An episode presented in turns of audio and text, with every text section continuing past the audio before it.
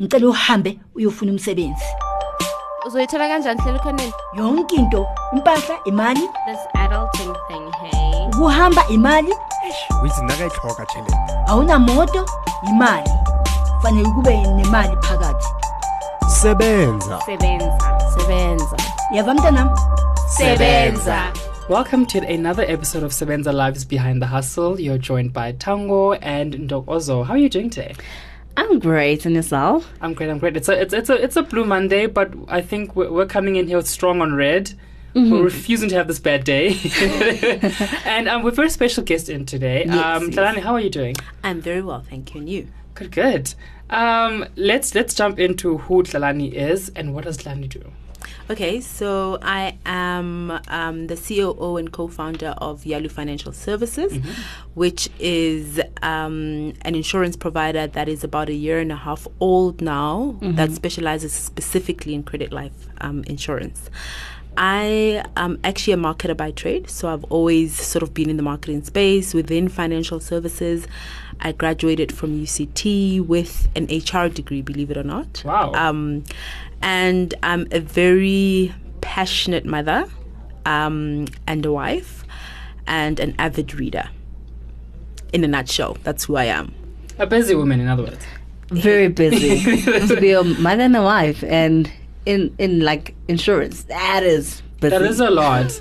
um, let's jump back to the young Tlalane and what motivated her, or, or what kind of led to you starting a career in finance. Mm. So yeah, that's quite an interesting one. My I, my parents are in Lesotho at the moment, um, and I come from Lesotho actually, and I grew up there. So when I first graduated I, at UCT, I went back home because I wanted to spend time with the parents before going off and doing my own thing.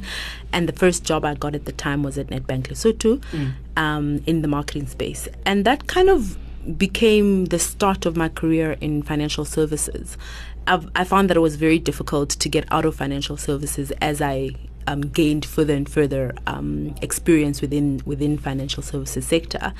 And so, as I grew in my career, I moved to South Africa and um, focused specifically on marketing and financial services. But then I got an opportunity to sit on um, a an exco at FNB Life, and that kind of exposed me beyond just the marketing expertise to the broader way around um, running a an, an insurance business and some of the key elements and the the, the key um, issues that one must consider. And you know, as I sat on this exco and found that I I was yearning for more, like I wanted to do more, and I didn't quite know what the more meant, but I could. I like when people think this way because this mm. is when a huge idea or breakthrough comes in life. I, I, I always get excited when I hear people say this. Exactly. And the thing was that it was more because I felt like I wasn't really living my purpose. Mm. I felt like there was something more to life than me sitting in, you know, exco meetings and making a really nice check and going home, but not necessarily making a difference to in you know individual lives and, and people's you know the, the people that are the end users of our product. Because in big corporates there's lots and lots of layers. You make make decisions but ultimately by the time it lands with the end user it doesn't quite look the way you had anticipated or it doesn't add as much value. And i was questioning that value you know what value am i actually adding to the end user? And it just so happened that um, on the same executive um, committee sat um, a colleague of mine who is my business partner now, Ngazi Sokulu. He was um, the chief operations officer at the time at FNB Life, and he was one of the people that started FNB Life within the FNB group. And he was also going through the same sort of very personal um, purpose type um, journey wanting to leave a legacy. What does it mean? You know what's my purpose? What am i living for? And we got to talking. And at the time it just so happened that there had been new um, credit regulations that had come out and specifically around credit life um, insurance and there were a couple of things that were poignant about these new regulations the one said that um, you know uh, providers could not charge over a certain amount. So in in in the past, it was kind of free for all, and now they were saying, for example, for foreign uh, for personal loans, you can't charge over four and fifty per thousand. Um, the other one was to say that providers cannot make it impossible for consumers to select the kind of credit life insurance provider that they want or whoever they want. So in the past, providers would say, here's your personal loan and here's your credit life insurance with it. And mm. they wouldn't really give you an opportunity to go find your own credit life insurance provider if you so wished. And this new regulation said, no, from now on, customers are allowed to go and find their own credit life insurance provider. But the third and most important piece, which is what the incumbents of credit life insurance had always used to stop providers from swapping or changing or switching credit life providers, was around the definitions of what credit life provide.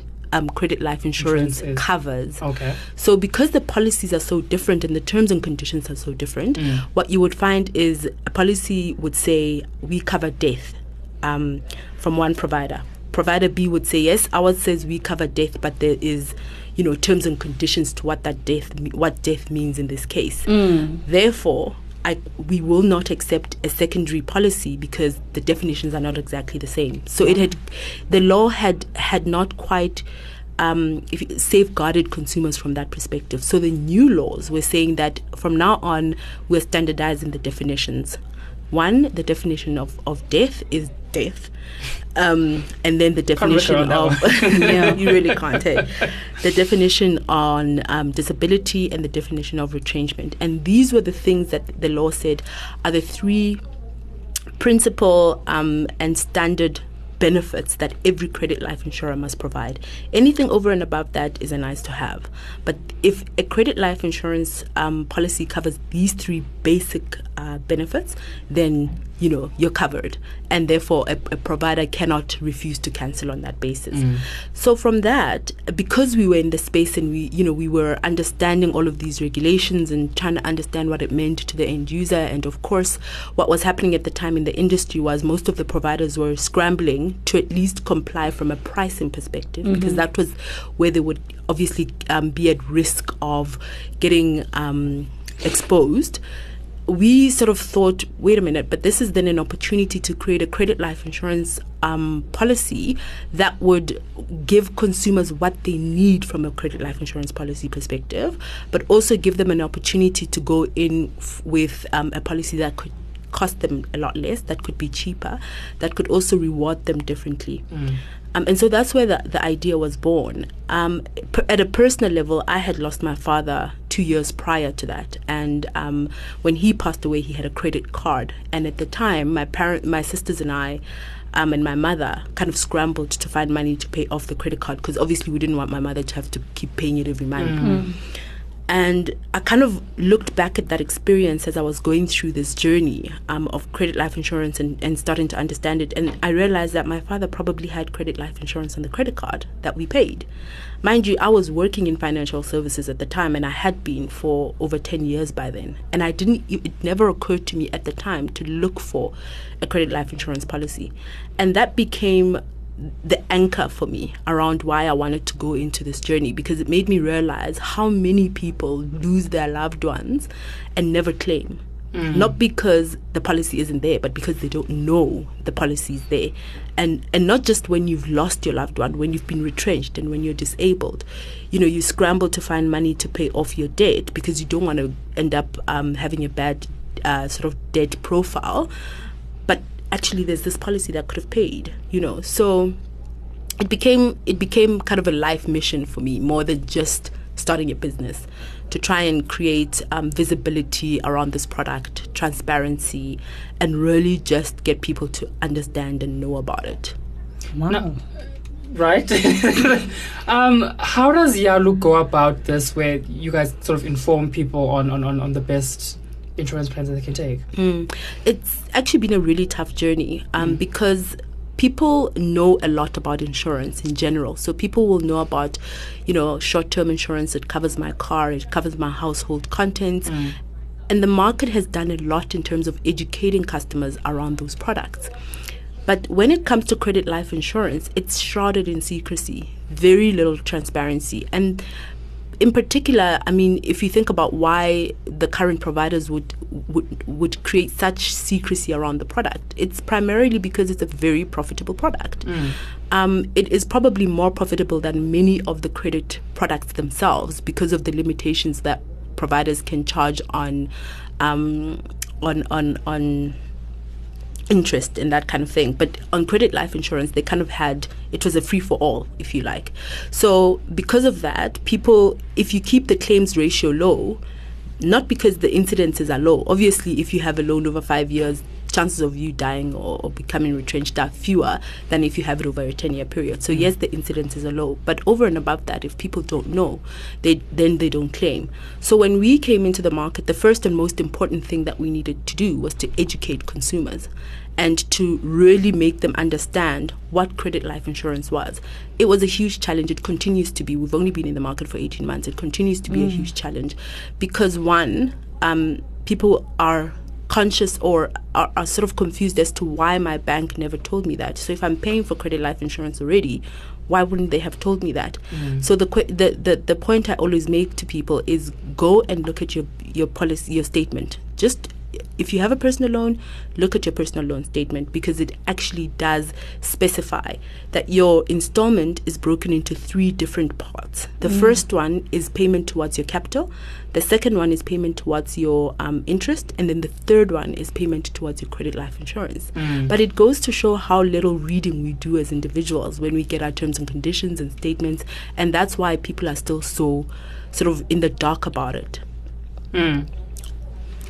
So we've we've really had to do um, a lot of educating around it, and it's been an an exceptionally difficult and expensive um, thing for us because we are doing Yalu is now doing an industry job, something that every other provider within the industry should be doing but we are we've kind of taken it on ourselves to say we're going to have to educate consumers if we want them to take up a yalu policy. They first need to understand what is what's happening What do you think causes that, where we, we, we, we, don't check our financial records? It's a very common thing to hear about amongst people, Mm, especially if you guys are now observing it. completely and i think it's like i said I, I'm, I was i was a victim of it myself i didn't know about credit life insurance until i worked in in in um, in, in a business unit within FNB that was servicing credit life insurance. But I think it's honestly a lot of it is to do with laziness. Um, a lot of it is to do with over trust. We we and it it's not to say we shouldn't trust our banks. Of course we should. I mean they manage our money, but sometimes we trust too much. We and and other times we don't look for value when there's value to be looked for. So you you'll hear um, in July is savings month, and people will talk about you know if you take if you eat one less meal at um, a- at a restaurant or mm. you know that's how people talk about finding savings. But mm. actually there's a lot of savings to be found if we start to educate ourselves around some of the financial services products that we have. If you look at your long-term insurance products you know if you look at your car insurance is it reducing as as you pay off your car?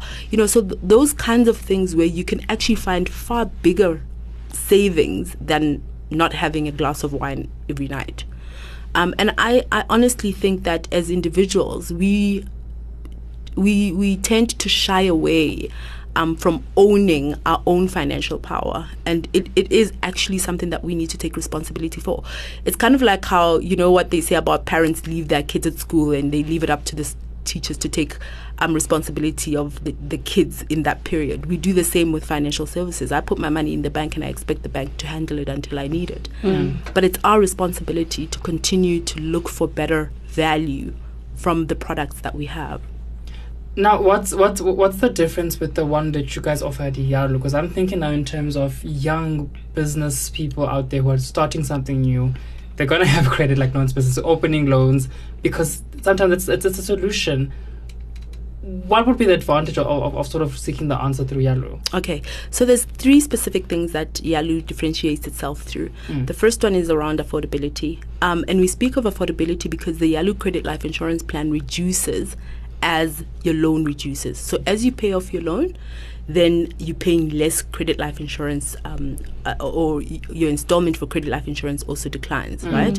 While as in most cases, what you'll find is the amount that you pay on credit life insurance from the start of the loan is the exact same amount you'll pay until you you don't really own any, um, until you have very little um, debt left. So let's assume uh, you're paying 500 rand towards your loan, and of that, 250 goes towards credit life insurance, right?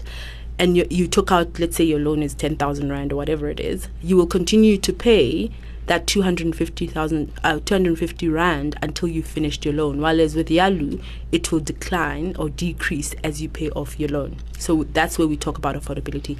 The second bit is around simplicity.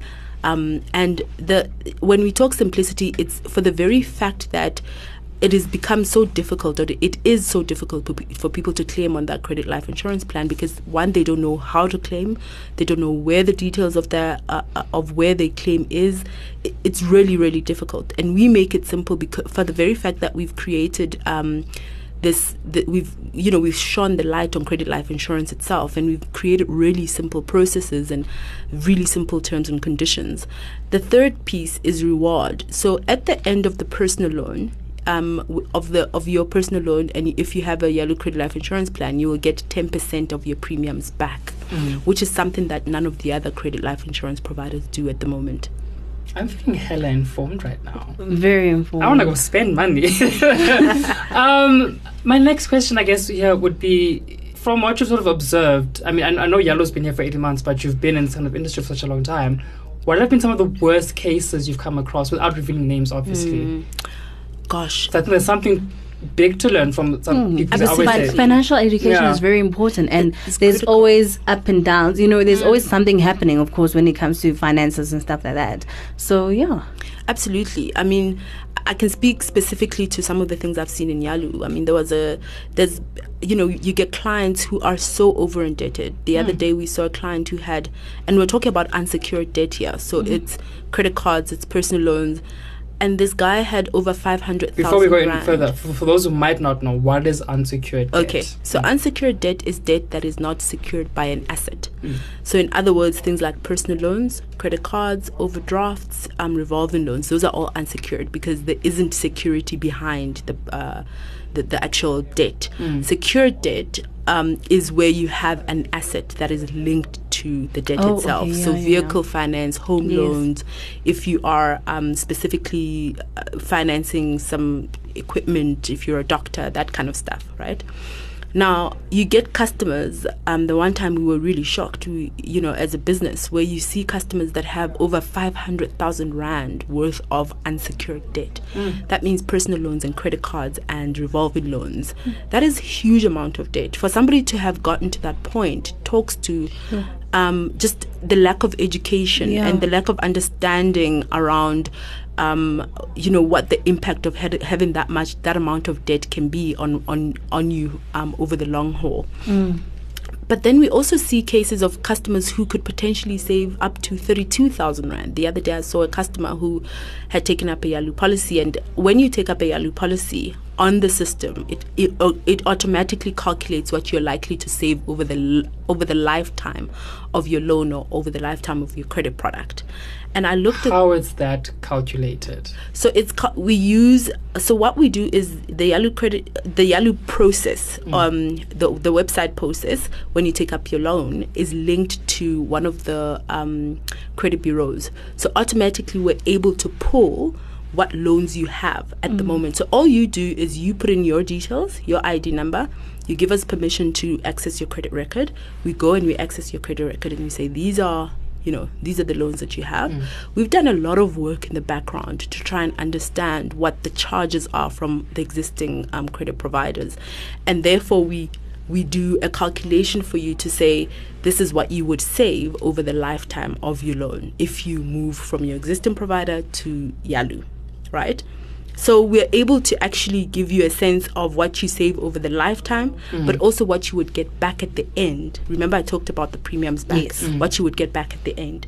Um, and I mean, we see customers, some of whom will save something like 30,000 rand over the lifetime of their loan mm. which means if you stay with your current pers- if your current provider you would have paid an extra 30,000 rand towards credit life insurance that you may never ever claim from um, so those are some of the scary things that we see but one of the more challenging and even frustrating, if you like, issues that we face is the lack of cancellations from existing providers. So let's say you come, you have a personal loan. Um, it is, by the way, mandatory. You have to have credit life insurance on personal loans for most providers.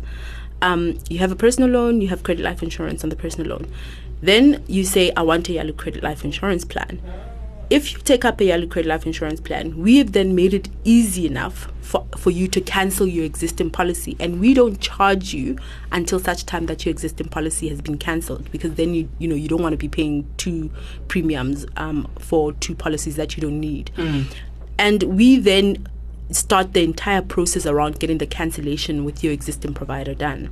That is the the most frustrating bit has been of course that the current providers refuse to cancel or they don't want to cancel.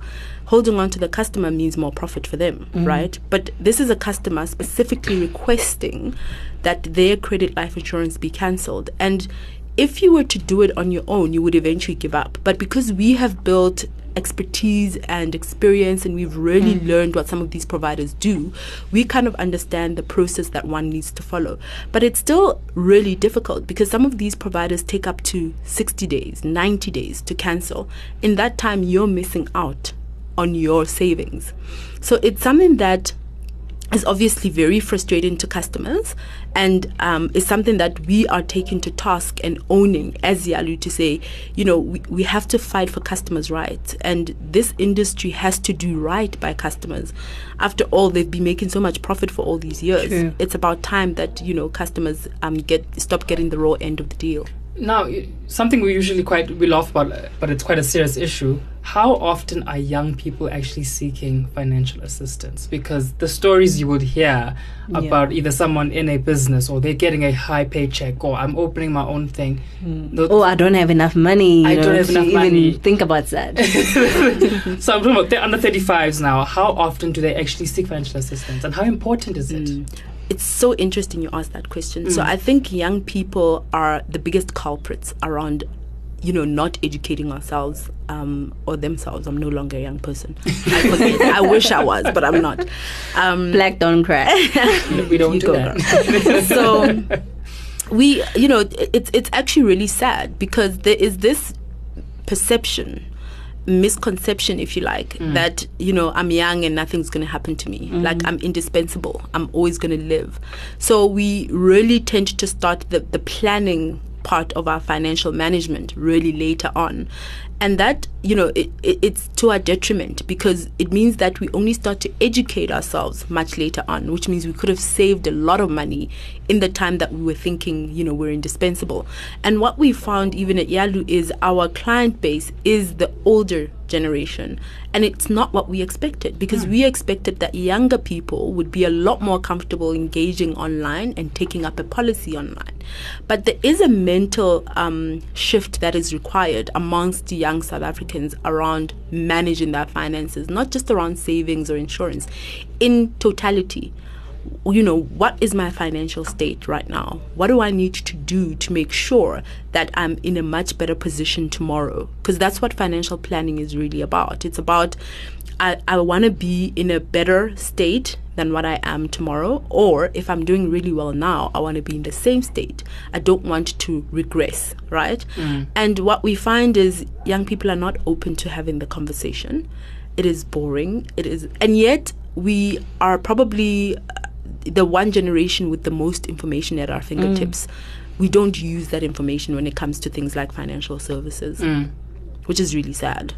What do you think causes? Is, is it really they fi- they find it boring, or is it, it, it just a dis- what what causes this this this sort of disengagement with the youth? Mm. You know, that's an interesting question and one that I probably don't have a cut out answer for because I think it's an, evo- you know, it's, it's something that we need to learn about um, over time and, and, and try to understand over time. Um, like I said, there's a definite need for a mental shift around making financial management a lot sexier because young people just, you know, they're they're, they're more interested in engaging with things that are of interest to them You know, it needs to be part of their lifestyle. yeah, Yeah. exactly. Um, and I think that the, the, the that you know the, the thing that creates a discomfort for them is when they're they're feeling um, overwhelmed and when they are also like a little bit scared because this information doesn't make sense. Because we want to always be seen as knowing everything about everything you never want to put yourself out there asking questions about stuff because gosh now people are going to think i don't know stuff you know? Um, so it's not sexy you know financial services itself to young people is not sexy enough to ask questions about and I think we need to find a way as an industry to start engaging young people in platforms where they are at, but also in an, in a way that most interests them. So it doesn't make sense or it makes no difference if I'm going to put my advertising on Instagram because that's where young people are, but it's still the same old visuals and the same you know, wording that I'd be using even if I had a print ad. It's got to talk to the fundamentals of who and what um, young people are and what they find interesting, and it's got to relate to their reality. And I think um, that's a, a huge job that marketers, uh, or a huge task that marketers within financial services find themselves really having to, to, to work with and they struggle with. And where can youth find you online? Actually, I think that's the most important thing now. Where can they have this conversation other than you know here listening to the podcast? Yeah, so it's on www.yalu, Y-A-L-U dot co.za and then on all social media platforms it's at yalu sa um, and you know on the website we've actually got um, the ability for you to engage with one of our agents right up front so as you get onto the website a pop-up comes up and you know you can actually talk to one of our agents right there um, and they are able to respond to you and it's not a robot by the way I was about to ask, this is a bot because I saw something today about some bots not being able to answer questions and it was no, a mess. no. no, We actually have individuals that are sitting behind um, and and answering every single question that comes through on the website. So Oh, I would encourage them Nice. to, to at the very least have the conversation, right? like Yeah. even if you're not going to take the policy, Just to understand. explore and understand, and and s- you at least have an idea of what you could potentially be saving. Well, I'm giving up on keeping fit at the gym, but I'll definitely focus on keeping fit financially. Exactly. Um, thank you so much again for joining us. I think we could have this conversation all day, honestly. Yes. But I think le- le- let's cut it. Trust well, me. It's like a 360 days It education. is. It you is. know. It is. It is. Thank you so much again for joining us. Thank you guys so much for having me. I've loved it. Thank Sure you. thing.